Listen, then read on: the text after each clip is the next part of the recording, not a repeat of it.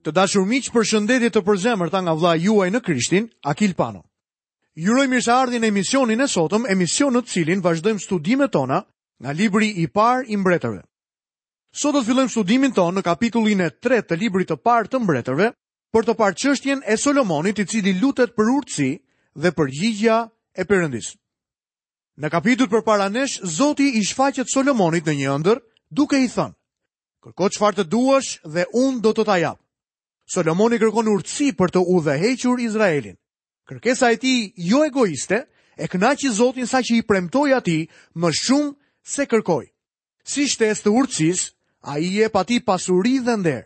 Vendimi i Solomonit në rastin e dy nënave që pretendonin se kishin të njëjtin fëmijë, tregon se Zoti i kishte dhënë atij një zemër të urtë dhe që kuptonte përtej asaj që dukej me sytë fizikë. Lexojmë pa humbur kohë nga kapitulli i tretë, vargu i parë dhe i dytë. Pastaj Salomoni bëri krushqi me faraonin, mbretin e Egjiptit. U martua me të bijën e faraonit dhe e çoi në qytetin e Davidit, derisa të mbaronte së ndërtuari shtëpinë e tij, shtëpinë e Zotit dhe muret rrethuese të Jeruzalemit.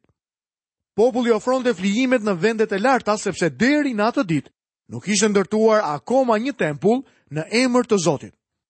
Një nga gjërat e para që Solomoni bëri pasi u bë mbret ishte se u martua me të bijën e faraonit, mbretit të Egjiptit. Martesa e tij lidhi një aleancë me Egjiptin. Martesat e Salomonit me gra pagane ishin gabime të tmerrshme që në fund sollën asgjësimin e tij. Kini parasysh që Solomoni ishte rritur në një oborr me shumë gra. Ai nuk ishte i mësuar me jetën si Davidi, ati i tij. Unë nuk besoj se Solomoni kishte kapacitetin frymëror dhe dëshirën që kishte Davidi për të kërkuar Zotin në jetën e tij. Gjithsesi, Solomoni i kuptoi dobësitë e tij. Pasi u martua me vajzën e faraonit, në fakt ne nuk do të donim që ai ta kishte bërë këtë me kohë më parë, Ai shkoi tek Zoti dhe i kërkoi urtësi. Pas mbretërimit të Davidit, pati një periudhë pushimi. Njerëzit filluan të ofronin sakrifica në vendet e larta, gjë që ishte adhurim pagan. Ky ishte kthimi në idhujtari. Lexojmë nga vargu i tretë dhe i katërt. Salomoni e donte Zotin dhe respektonte statutet e Davidit, atit të tij. Megjithatë ofronte flijime dhe digjte temjan në vendet e larta.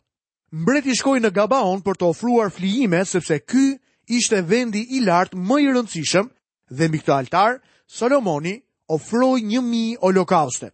Solomoni ishte më se i gatshëm të ofronte flijime në altaret pagane. Diçka që Davidi nuk do ta kishte bërë kurrë. Edhe pse Solomoni e donte Zotin, nuk ishte si i ati i tij David. Solomoni po ecte në statutet e Davidit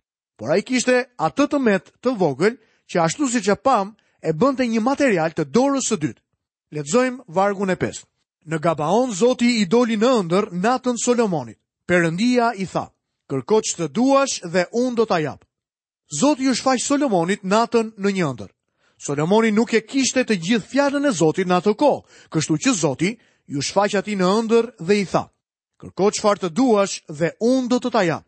Mirëpo çfarë kërkoi Solomoni? Ai kishte zgjedhjen për të kërkuar gjithçka që dëshironte. Fakti që ai bëri një zgjedhje të urtë, tregon që ai kishte një sasi të caktuar diturie njerëzore përpara se Zoti t'i jepte urtësinë e tij.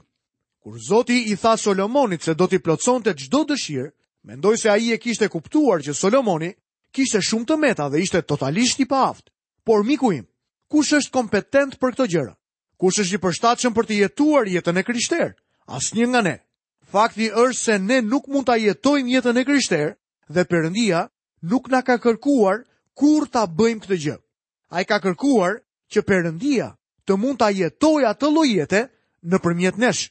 Tani ai po pret të bëjë diçka nëpërmjet Solomonit. Ky mbret mund të kishte kërkuar pasuri ose pushtet, por vini re se çfarë kërkon ai duke pranuar të metat e tij. Lexojmë vargun e 6.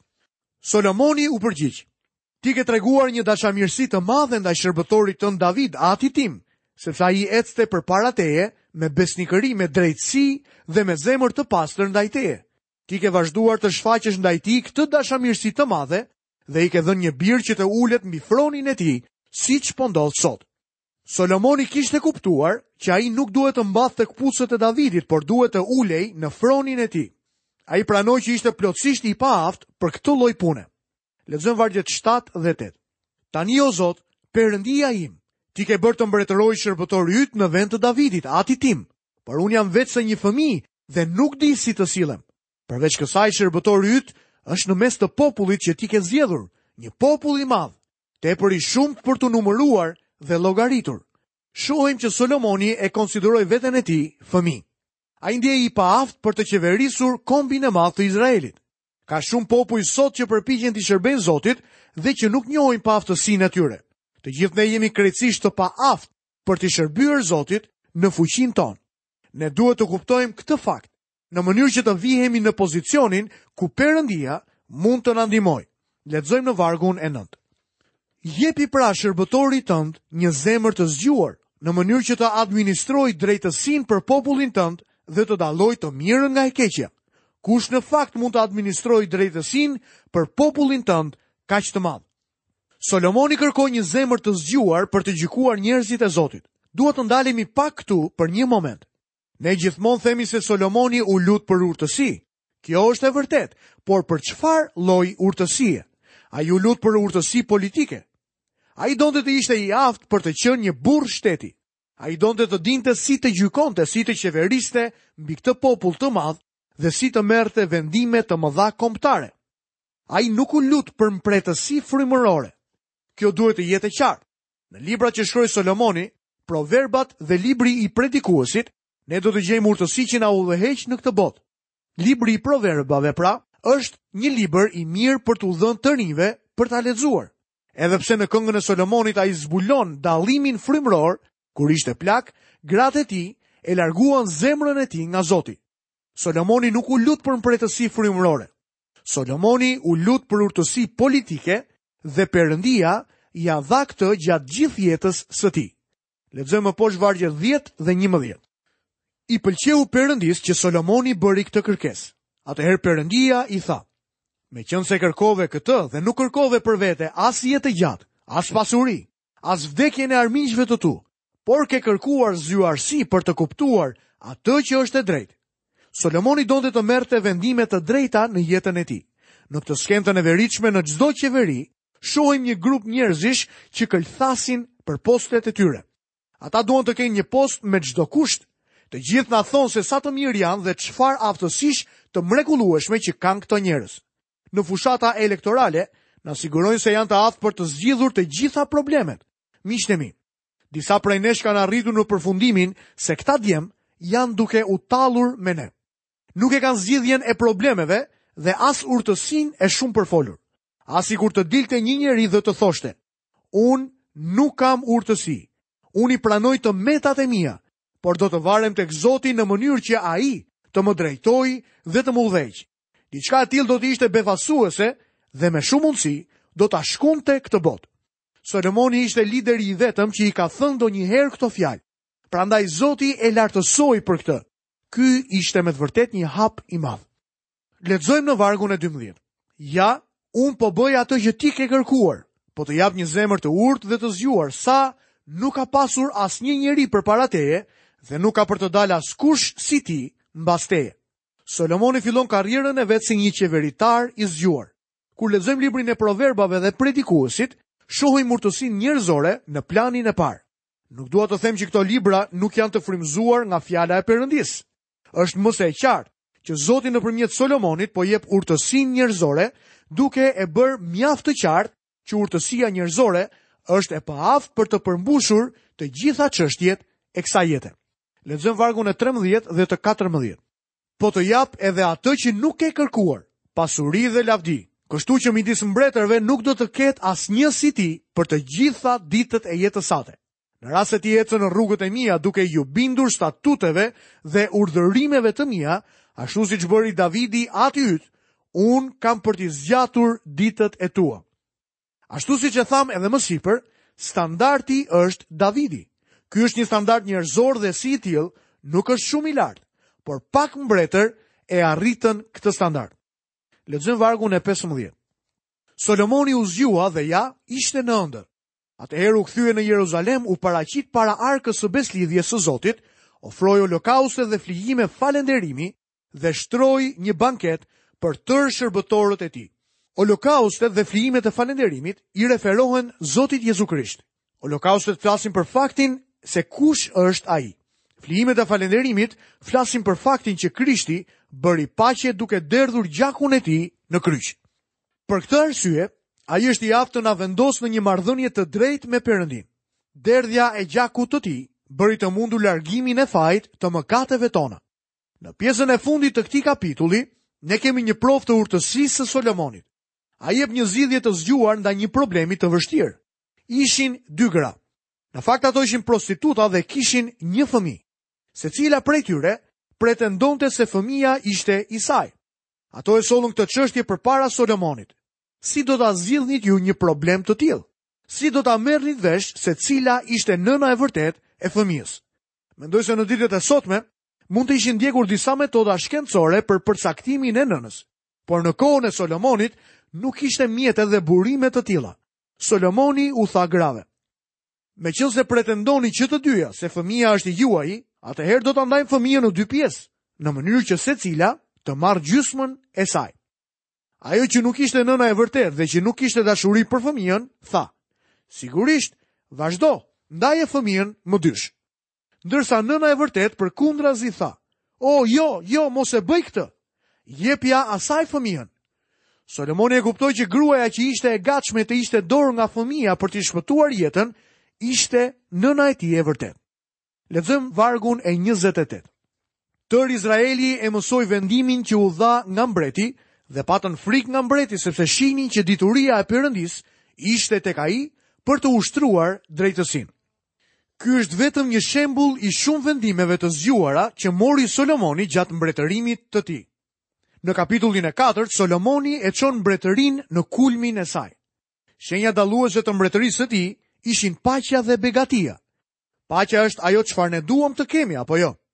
Mendoj se ndërsa Solomonin mund ta quaj me plot gojë një princ të paqes, Davidin e shohim si një njeri të luftës. Por paqja që shijuan Solomoni dhe njerëzit e mbretërisë së tij, u bë e mundur vetëm nga Davidi, i cili ishte njeri i betejave. Kjo ka një zbatim shpirtëror për ne.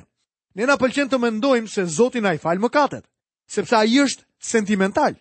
Perëndia nuk i fal mëkatet tona bazuar në një plan kaq të ulët. Miku im është luftuar një betejë dhe është bërë një sakrificë mjaft e madhe për faljen e mëkateve të tua. Është derdhur gjak në mënyrë që të kemi falje për mëkatet tona. Zoti Jezu Krisht bëri paqe me anë të gjakut të tij të derdhur në kryq. Vetëm nëpërmjet gjakut të tij ne mund të hyjmë në paqen e tij. Lexojmë poshtë nga kapitulli 4, vargun e parë deri në vargun e 6. Mbreti Solomon mbretëronte mbi tërë Izraelin. Këta ishin funksionarët e tij të lartë. Azirahu, bir i priftit Cadok. Elihorefi dhe Ahiahu, bij të Shishas, ishin sekretarë. Jozafati, bir i Ahiludit, ishte kancelar.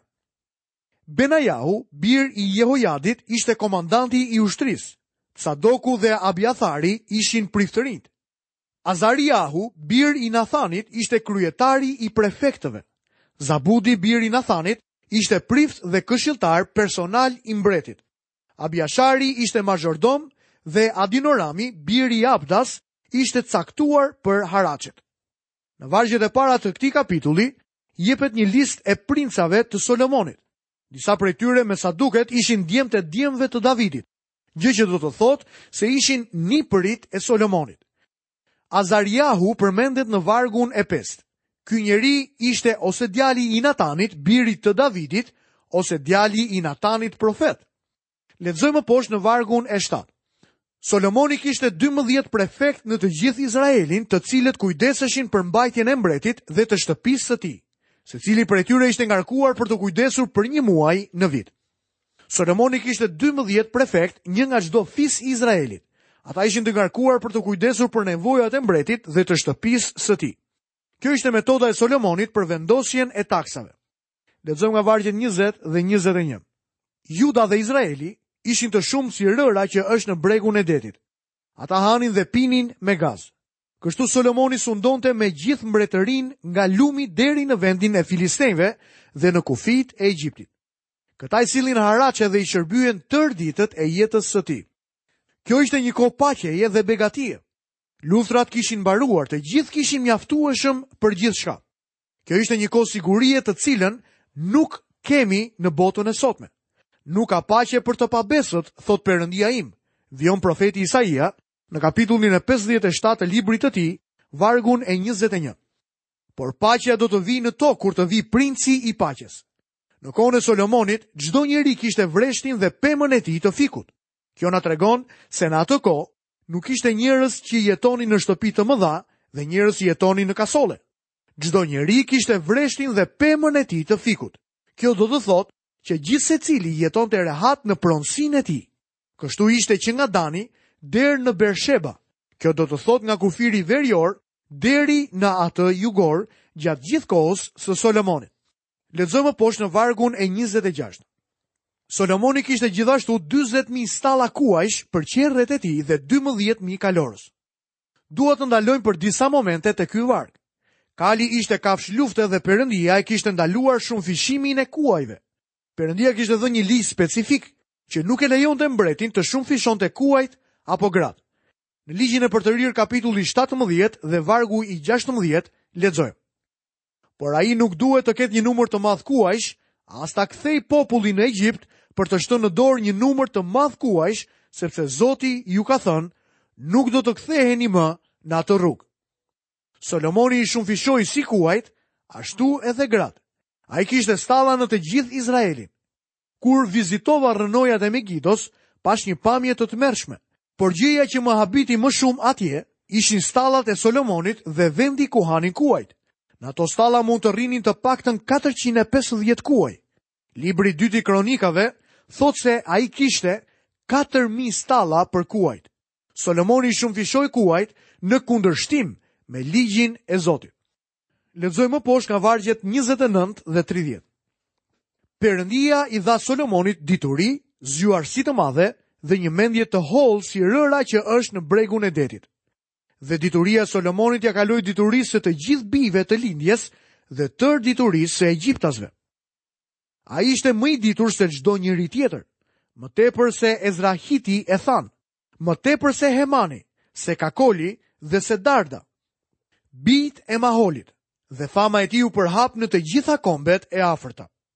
Në këtë varg përmenden katër burra të ditur. Lexojmë më poshtë prej vargjeve 32 dhe 33. Shqiptoi 3000 proverba dhe kantikët e tij qenë 1500. Foli edhe për drurët nga kedri i Libanit deri në isopin që mbin nga muri. Foli gjithashtu për kafshët, për zogjtë, për rrëshqanorët dhe për peshqit. Këtu na thuhet se Solomoni shqiptoi 3000 proverba. Në Bibël kemi të regjistruar vetëm disa qindra. Këngët e tij ishin 1005. Më besoni, ai ishte një kantautor i vërtetë. Ne kemi vetëm një nga këngët e tij, kënga e Solomonit. Solomoni ishte një biolog i mrekullueshëm. Ai foli për pemët, për pemën e kedrit që është në Liban, madje edhe për hisopin që dilte nga muri. Hisopi është një bimë e ulët që rritet në shkëmb. Solomoni ishte një zoolog i mirë. Ai foli për kafshët. Po kështu ishte një orniotolog i mirë. Ai foli për zogjtë. Ai foli gjithashtu për kafshët zvarritëse dhe insektet. Ai ishte një ihitolog. foli për peshqit. Solomoni foli për këto gjëra sepse kishte studiuar dhe ishte kompetent në të gjitha këto fusha. Ky me sa duket ka qenë fillimi i shkencës. Solomoni duket se ka qenë shumë i interesuar në këto çështje. Lexojmë vargun e 34. Nga të gjithë popujt vinin njerëz për të dëgjuar diturinë e Solomonit. Ata ishin të dërguar nga tërë mbretërit e dheut që kishin dëgjuar të flitej për diturinë e tij. Solomoni fitoi një reputacion mbarëbotëror për diturinë e tij, dhe shumë vetë vinin tek ai për ta dëgjuar. Ne kemi vetëm pak nga proverbat që ai shkroi dhe këto janë të dokumentuara në librin e Proverbave. Siç e thashë, këto proverba janë një ndihmë e madhe për të rinjtë që hyjnë në jetë. Aty ka disa proverba që mund të udhëheqin një person në jetën dhe punën e tij. Ju e shihni, Perëndia është shumë praktik me ne. Ai hyn në detaje pikërisht në jetën me të cilën përballemi çdo ditë. Principe të caktuara për jetën na jepen tek libri i Proverbave. Nuk po them se një i ri mund të bëhet i krishterë duke zbatuar proverbat e Solomonit, por me siguri do të gjejë aty një guidë të mrekullueshme për jetën e tij. Të dashur miq, këtu kemi mbërritur dhe në fundin e emisionit të sotëm. I jam mirënjohës Perëndisë që keni qëndruar së bashku me mua përgjatë këtyre minutave dhe ju kujtoj që në emisionin e ardhshëm do të vazhdojmë të flasim për projektet e ndërtimit të Solomonit. Deri atëherë, nga vëllai juaj në Krishtin Akil Pano, paçi bekimet e Perëndisë dhe paqen e tij mbi jetën tuaj. Bashkë mirudëgjofshim në emisionin e ardhshëm.